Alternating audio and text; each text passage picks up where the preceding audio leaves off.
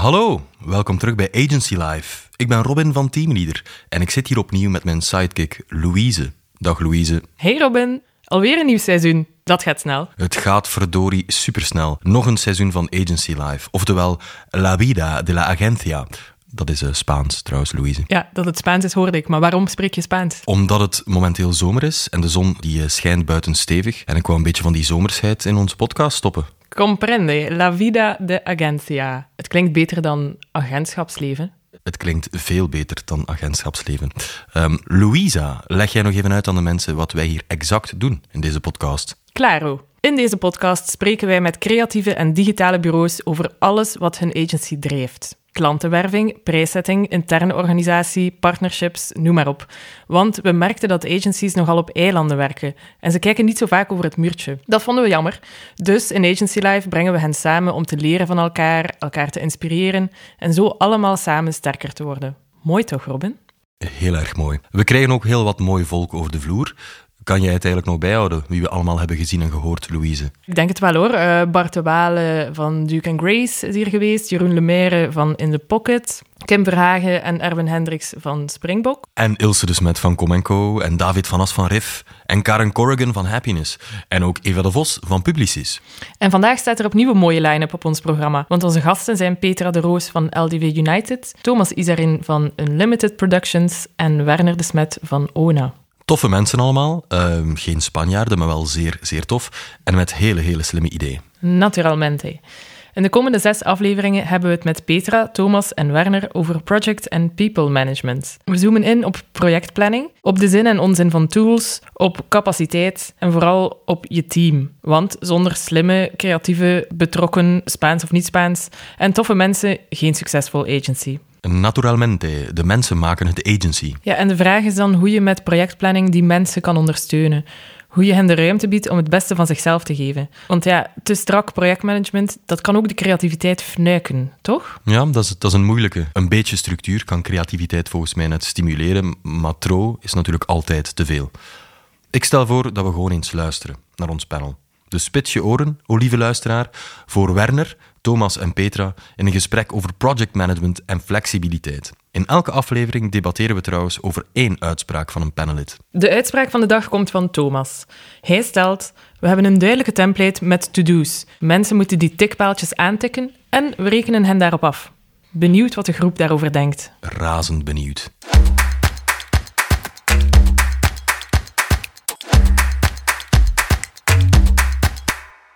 Dit gaat dus duidelijk over project management. Um, want ik moet het jullie natuurlijk niet vertellen. Jullie leveren soms complex werk af. Uh, een project komt met veel toeters en bellen. Veel mensen werken eraan samen. Het moet natuurlijk van niveau zijn, het geleverde werk. Want jullie klanten leggen wel een bepaalde standaard.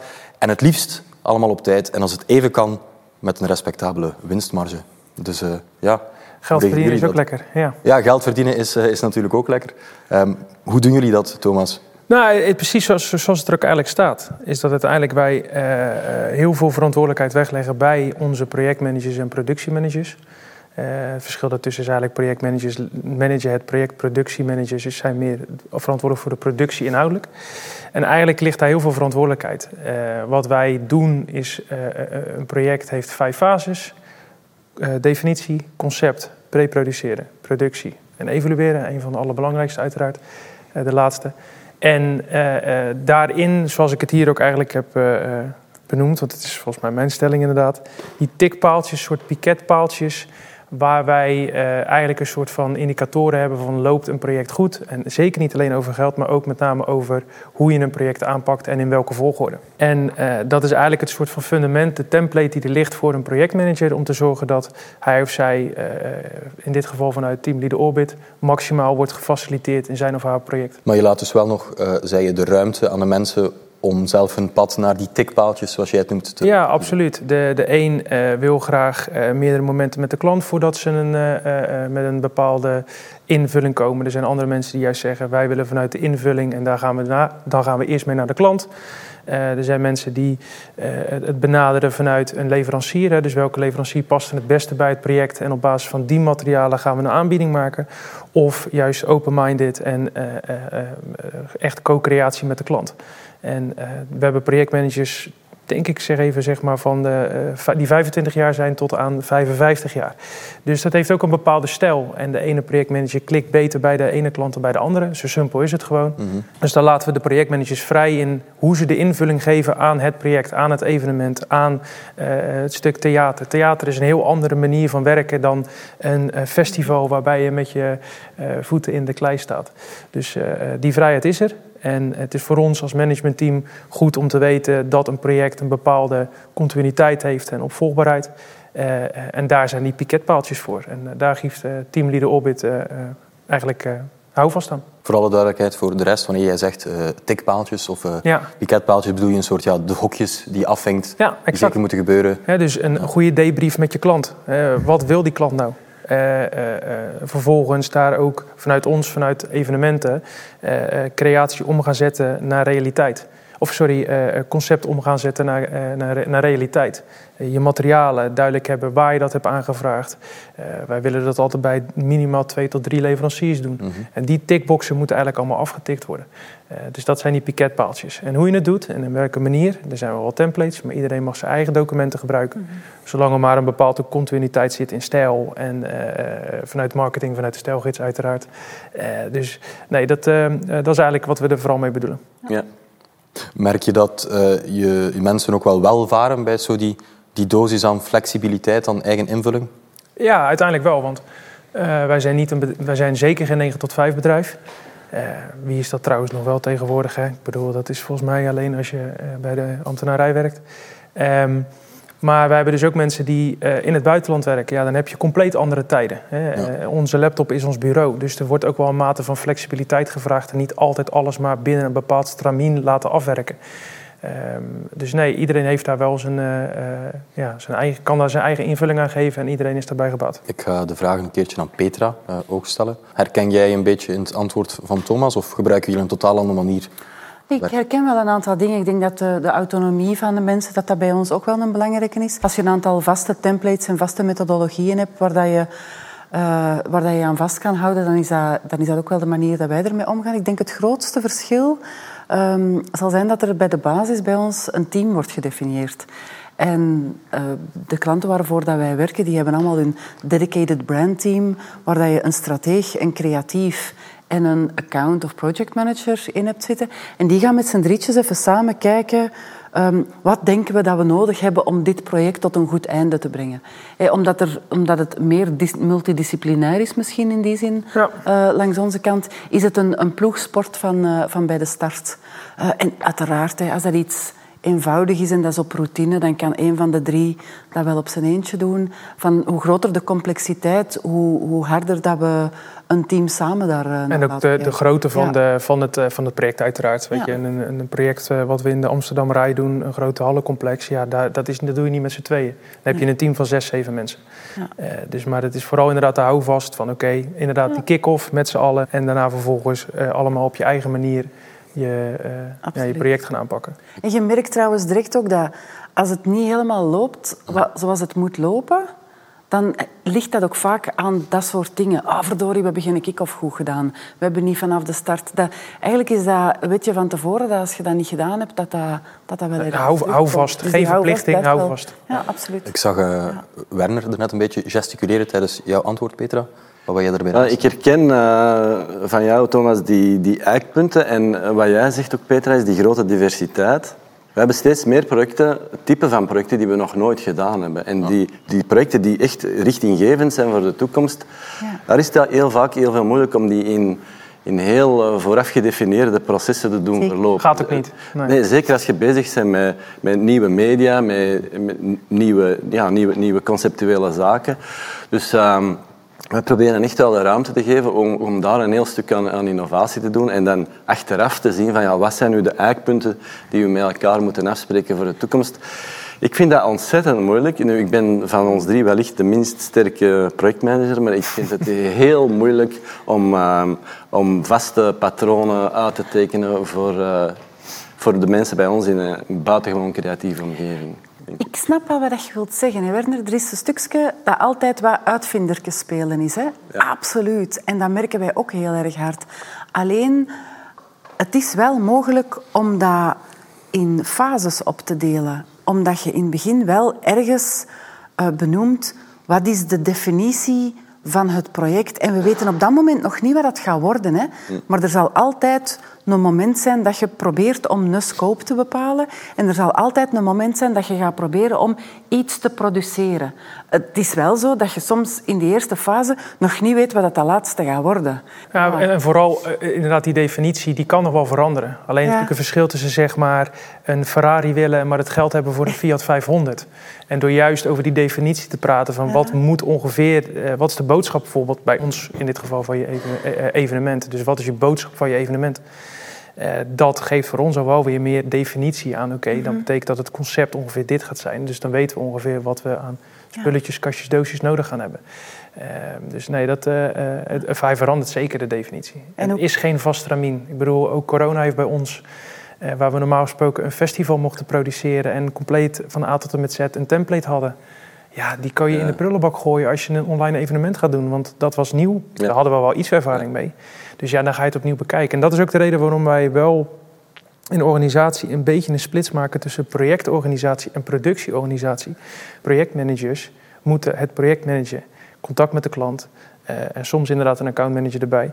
Uh, het managen van de klant, het managen van het budget, managen van het interne team ook. Mm -hmm. En dan uiteindelijk uh, zijn daar wel een soort van pijl, die, die, die pijl, pijlpaadjes neer te zetten. En wat er dan de inhoud wordt, ja, dat, dat kan fluctueren. Maar uh, ja, continuïteit, capaciteit, uh, dat uh, proberen we te doen. En ja. ik zeg ook zeker niet dat het altijd lukt. Mm. absoluut. Blijven mensen en iedereen doet het op zijn eigen manier, wat goed is. Dus maakt het ook wel leuk. Bedacht net een, een, een vraag voor Werner. Want als jij zegt, het werk is vaak zo uniek dat het heel moeilijk is om het in een template te gaan gieten. Op welke manier in de organisatie van jouw bedrijf zorg jij er dan voor dat je niet altijd met de wit blad uh, moet beginnen en dat je niet altijd vol een bak aan het gissen en het gokken bent? Ja, ik denk dat er natuurlijk uh, ook bij ons uh, duidelijke eikmomenten zijn. Dat begint ten eerste met het definiëren van de scope. Wat vraagt die klant nu eigenlijk echt? Hè? En zoals je zegt, wat is de budgettaire ruimte die daar tegenover staat? En dan uh, begint je met het brieven van de mensen natuurlijk. En dan gaat je kijken naar, naar je concept van kijk, wat hebben we hier nu? Beantwoord aan de vraag van die klant. Van zodra dat je daar een oké hebt, gaat je door met implementatie. Er zit heel vaak nog een heel stuk co-creatie in met influencers of, of uh, cultural voices, uh, zoals dat bij dat heette. Dus je hebt daar wel een back and forth van uh, stappen die we nemen, intern en ook extern met de, met de mensen. Maar er is toch bij ons vaak een grote diversiteit in die zin dat dat heel ka kanaalafhankelijk is. En in functie van die kanalen zit je met totaal andere, ja, totaal andere processen. En dat is echt zoeken bij ons. Wij hebben de ideale process flow niet gevonden. Er is, een, er is natuurlijk een grote mate van uh, voorspelbaarheid, maar uh, soms is dat ook echt totaal zoek. En hoe counter je dan die onzekerheid? Ik denk, uh, kijken naar wat, wat, ligt er nu en hoe, hoe moeten we verder en hoe, hoe krijgen we dit procesmatig verder. En probeer je soms ook te kijken naar je, de teamstructuur, hoe dat je jezelf organiseert, om te zien van kijk, we kunnen misschien niet voorspellen hoe elk project er zal uitzien, maar we kunnen ons team wel voorbereiden om die onzekerheid aan te pakken. Uh, ja, ik denk dat zeker en vast dat ons team uh, is, is, permanent uh, in beweging. een van de vragen was ook, hoe ziet het teamdesign eruit bij jullie? dat is ook, vind ik, een fundamenteel een moeilijke vraag, omdat dat teamdesign permanent evolueert. En je hebt uiteraard mensen die meer verantwoordelijk zijn voor client service. Je hebt mensen die meer uh, verantwoordelijk zijn voor, voor creatie. Dus je, je, hebt daar wel duidelijk verschillende rollen in, maar het evolueert gewoon. maken jullie onderscheid in, zeg maar, uh, wat voor type klant het is. Uh, bijvoorbeeld te noemen, bijvoorbeeld bij ons heb je de Wereldhavendagen. Mm. Nou, dat is van, dus een, van oudsher een project wat wel wordt gedaan door bepaalde mensen binnen ons team, omdat die daar een hele goede klik mee hebben. Ja. Dus natuurlijk wordt dat team aangevuld. Maar je kijkt echt naar type klant om dan de projectmanager bij te zoeken. Doen jullie dat ook? Of? Deels. Wij, wij, zijn eigenlijk uh, traditioneel ge georganiseerd om bepaalde communities.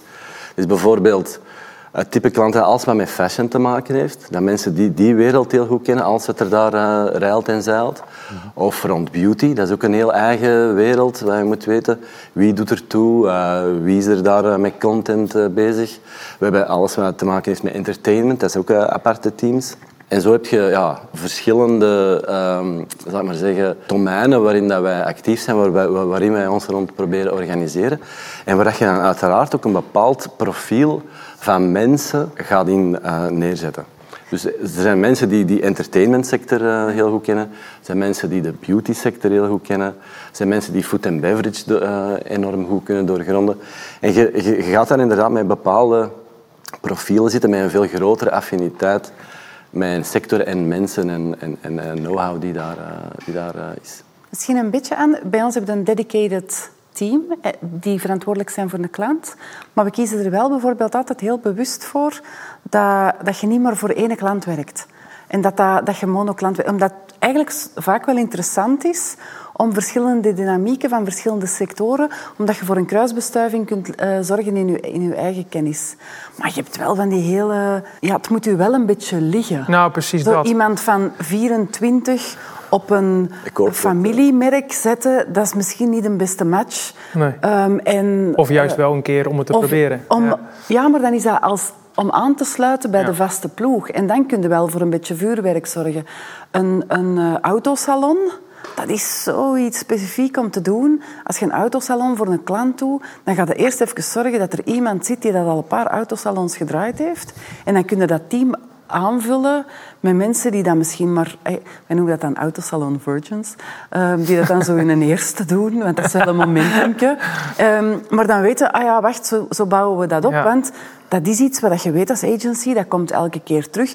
En je kunt maar best een aantal mensen in huis hebben die dat, als er is iets gebeurt, dat, je, dat, dat, dat mee kunnen vastpakken en dat die kennis hebben. Dus ik, ik, een stukje casting zorgt er ook voor dat mensen het graag doen, denk ik. Dus eigenlijk, als ik een beetje uh, een paar dingen uh, samenvat, bij gebrek aan een vast patroon of een vaste template voor elk project, zorg je gewoon dat er inhoudelijke specialisten van bij het begin bij zijn die enige sturing kunnen geven aan wat er eigenlijk verwacht wordt en wordt opgeleverd. Een combinatie van de twee. Combinatie van de twee. Een beetje een milestones ding. Het is niet... Ja, ja.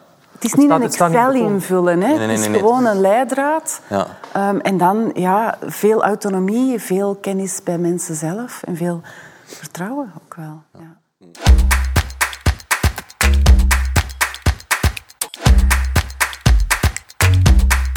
Zo, zo. Aflevering 1 zit erop. Um, Louise, heb jij interessante dingen gehoord? Ja, zeker. Zoals het idee dat je ook uitvindertjesprojecten, die je dus nog nooit eerder gedaan hebt, in een traject kan gieten. Met stappen en met fases. En toch is er geen vast stramien, hè, Louise? Volgens Thomas toch, die de interessante split maakt tussen productiemanagement en projectmanagement. Stof tot nadenken. Ja, wat gaan we de volgende keer doen, Robin? In de volgende episode spreken Petra, Thomas en Werner over tools, de zin en onzin ervan en de impact op je team. Wil je ondertussen meer inzichten van deze en andere Belgische en Nederlandse agencies? Schrijf je dan via de show notes van deze podcast in op onze nieuwsbrief. Tot de volgende. Doei!